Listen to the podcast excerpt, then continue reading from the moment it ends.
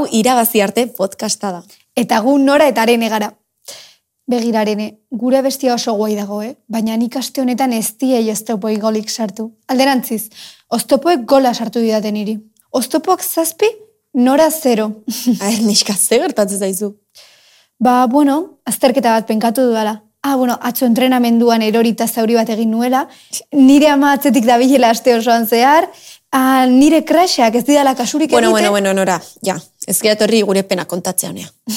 Baina gainontzean ondo, eh? Eskerrik asko galdetzea arene. Baina, bueno, ez dut bajoia ekarri nahi gure podcastera. Hori, hori, anima zaitez. Ze gaur, gonbidatu berezia daukagu. Ba, bai. Amabos minutu hauek nire asteko topa izango dira. Zergatik? Ba, gaur kirolali olimpikoa daukagulako. Zuekin, agurtzan egiluz. Kaixo, agurtzane. Kaixo, moduz? arratsaldeon. Ba, ondo, hemen, hemen etxean. Bueno, agurtzane gazteiztarra dugu, hogeita lau urte ditu eta saskibaloi egokituko jokalaria da. Paraolimpikoa gainera. Bai, bai, iaz Tokiora joan zinen Espainiar selekzioarekin, eta diploma lortu zenuten. Kontatu, kontatu, nolako esperientzia izan zen. Bueno, esperientzia izugarria izan zen, e, nire lehenengo aldia e, izan, bueno, izan da e, joku paralimpiko batzuetan, eta egia esan da, ba, esperientzia ikaragarria izan da, naiz eta COVID-arekin, ba, Hmm. e, gauzak arraroak izan, e, baina, bueno, esperientzia oso polita izan da, eta, bueno, orain Paris e, iru urtetan e, da, eta, bueno, e, gogoekin e, horre egoteko, urrengo joku paralimpikoetan.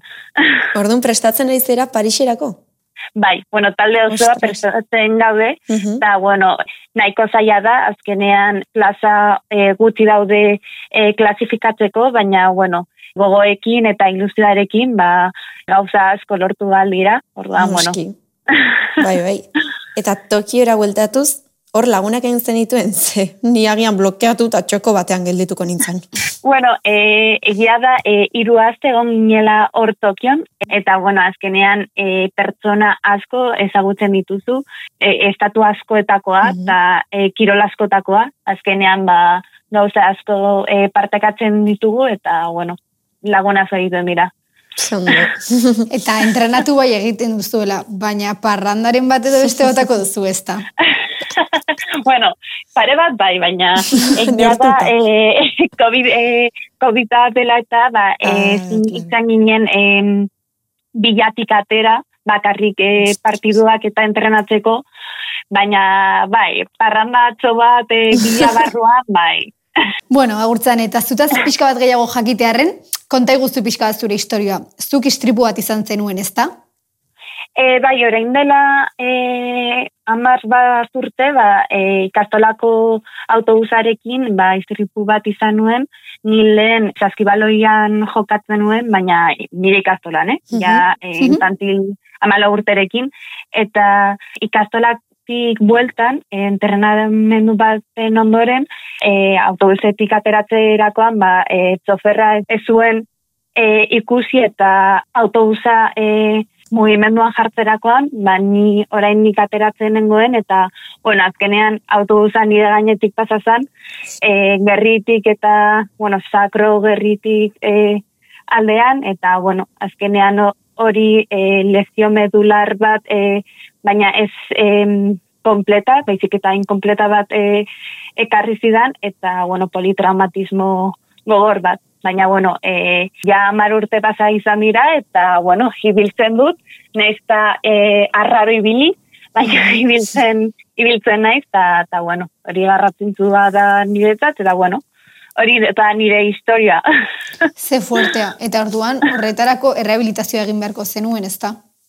e, bai, e, hilabete askoko e, rehabilitazioa egin nuen, bueno, pare bat urte egon nintzen ja egunero e, ospitalera joaten eta klaseekin partekatzen, eta bueno, hasiera batean ba, oso gogorra izan zen, orain perspektibatekin ikusita, ba, ez da ingo gorra, baina bueno, hor nengoenean, azkenean ba, zaila zen, e, Noski. ba, gorputzare minazgo nuen, eta bueno, orain gauzak errezagoak dira, baina bai lan asko egin behar izan nuen ba, en, ibiltzeko eta nengoen bezala e, zaiatzeko egotea. Eta, bueno.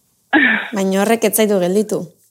Ez, azkenean oso buru horra naiz, e, familia handi batetatik banator, eta azkenean hori ba, nire baitan dago. Eta lan eginez, saskibaloi egokitura iritsi zinen. Nola izan zen hori? E, egia esan da zen lana eginez. E, izan zen, e, e, nahi gabe, e, ni errehabilitazioa bukatu nuenean, e, nire medikua, errehabilitazioko medikuak, esan zidan, ba, e, gazte izen, ba, zentro bat zegoela, e, kirole egokitua e, kartzen zuela, e, esan zidaten, ba, ea e, frogatu nahi nuen egokitu mm mota bat, e, saskibaloia zela, Eta, bueno, e, urrengo egunean joan nintzen probatzera, eta hortik aurrera, ba, ba ja, gelitu nintzen hor. Eta, bueno, hori da nire historia. Orduan, kirola sendatzeko bidea izan zen zuretzat, ez?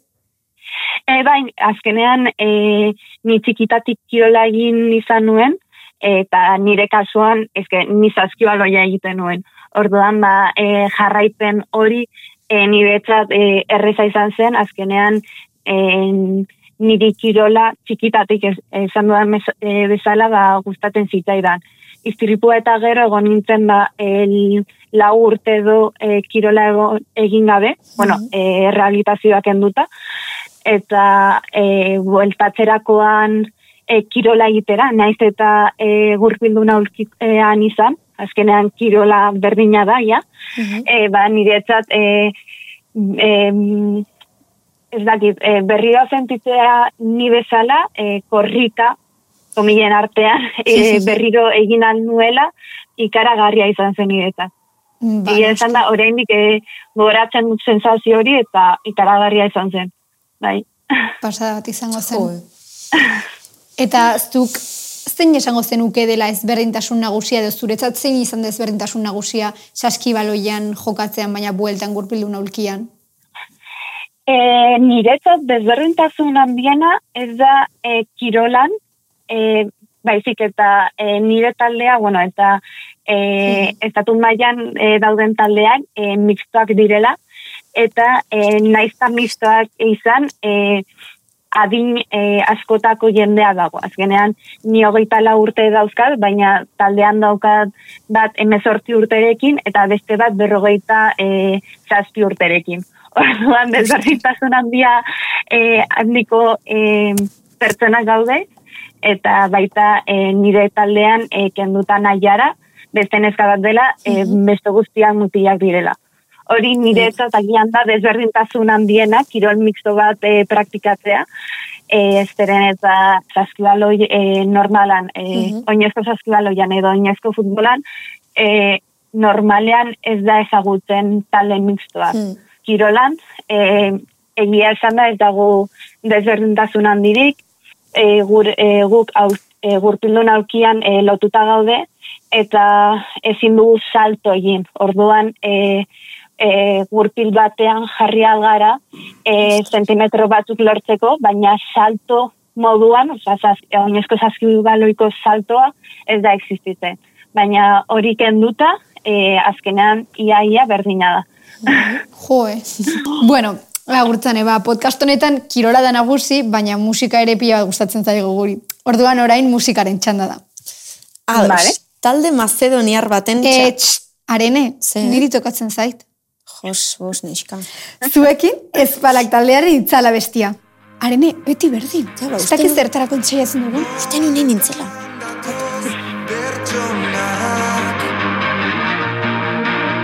It's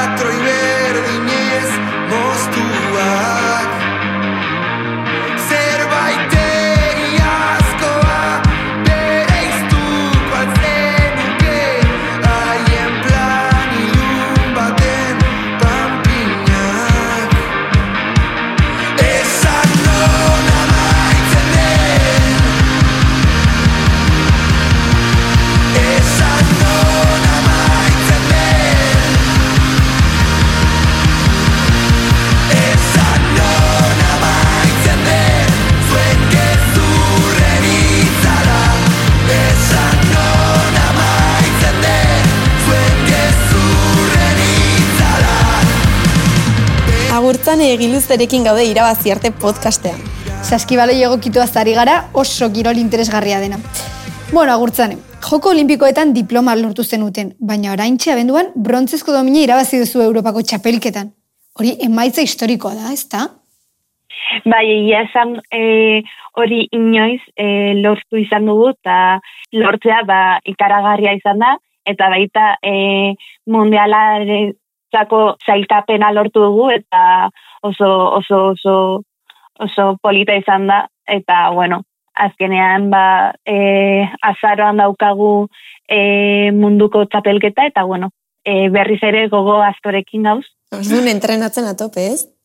Bai, beti. Eta momentu politak aipatu dituzula, zein izan da kirolak eman dizun unerik politena? Ba, ez dakit, e, une asko egon dira, baina azkenean e, geltzen naizena ekin da, e, ba, egin ditudan lagunak, eta e, ikusi izan ditudan, eta ezagutu izan ditudan kulturak eta herriak, eta hori e, istripua e, ukiez manu, ez nintuken ez da nire lagunak egin, ez da leku eta kultura horiek ezagutu. Orduan, ba, bueno, horrekin alditzen nahi, eta, eta bueno, Hombre. Eta orduan, kirolaren bitartez asko bideiatzea lortu duzu? E, bai, e, gehien bat selekzioarekin, ba, herri askotara joan gara, eta e, bueno, Tokio kenduta, e, Alemania eta Frantzia, e, bueno, eta Holanda e, leku asko ezagutu ditugu. Ai, Eta, eta, bueno, ordu asko aireportuan, gozera baita. aireportuan jokatzen, baina ordu gehiago, iaia. E, bai, e, azkenean guk e, aukiekin eta e, hauek fakturatu egin behar ditugu, orduan hiru ordu edo lehenago egon behar gara, eta gero iristen garenean aireportura, e, zupenta, nik ez dut e, normalean e, auki normala ibiltzeko, baina nire taldeikide ia guztiak, bai, orduan, itxaron behar e, duzu, e, e, pertsona guztiak, egazkineko pertsona guztiak ateratzea, asistentzia etortzea, eta normalean e, asko itxaron behar dugu, baina, bueno, egin behar, Bai, merezidu, bai. Eta jokatzen ez zauden bitartean, zertan egiten duzu lan? E, bueno, e, orain dela hilabete bat e, Bilbon lanean hasi nintzen, e, pasadan urtean ba e, unibertsitateko gradua bukatu nuen, eta bueno, e, lanean hasi naiz, e, oso pozik nago, naiz da e, denbora gutxi e, emon, eta baita e, gazte izen e, master bat egiten nago, Orduan, e, egun guztia, ba, e, gauza askorekin nago, baina, bueno, pozik, e, el, gustatzen zaitan e, gauza batean lanean nago, eta baita ikasten dut e, zerbait nik ikasin nahi nuena, eta, eta bueno, orduan ez da hainlatza hori egitea, naiz eta e, egunean e, niretzako ordu oso gutxi izan, baina bueno, espero dut e, urte bat gogorra izan eta urrango urtean ba, ez izatea hainbeste gauza. Urduan, bueno. bueno, pixkanaka. Taldekideen galdera. Bueno, guk ez dugu saskibaloian jokatzen, baina guk futbol talde bat daukagu eta gure taldekideek galdera bat bidali nahi dizute.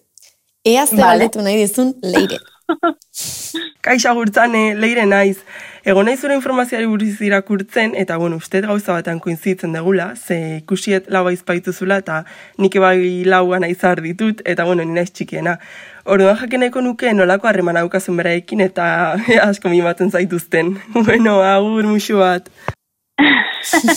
bueno, e, iru aizpa dauzkat, laugera, baina, bueno, nira zako agian bai e, etxeko mimatuena naiz, baina, bueno, e, ia esan da, e, urte oso gutxi eramaten e, gera, azkenean e, nire aizpa hondiena bakarrik la urte terdi, e, dauzkagu e, desberdintasun izala, orduan, ba, bueno, e, konfiantza e, asko daukagu, naiz eta ba, batzuetan, ba, bronkak edo egon, bueno, eh, harreman oso daukagu, eta egia esan da, ja, e, nire hiru aizpak eh, etxetik eh, joan dira, orduan asko ez ditute ikusten, eta, eta bueno, latza da, eta ez daki, ez ditu menos.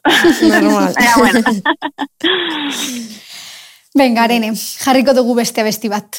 Ze ideiarik gabe gelditu zea, edo... Ni, ideiarik gabe, mesedez arene, ez izan patetikoa. Atsegina izan nahi nuen bakarrik. Ja, ja. Ba, bakartik oldarrak jarriko dut. Omago taldearena da. Nor? Asmatu egin duzu? Ez. Zein da beslaria? Aitziber omago gehaskoa. Ez ez esan abizena segida. Ah, horregatik omago. Nuski.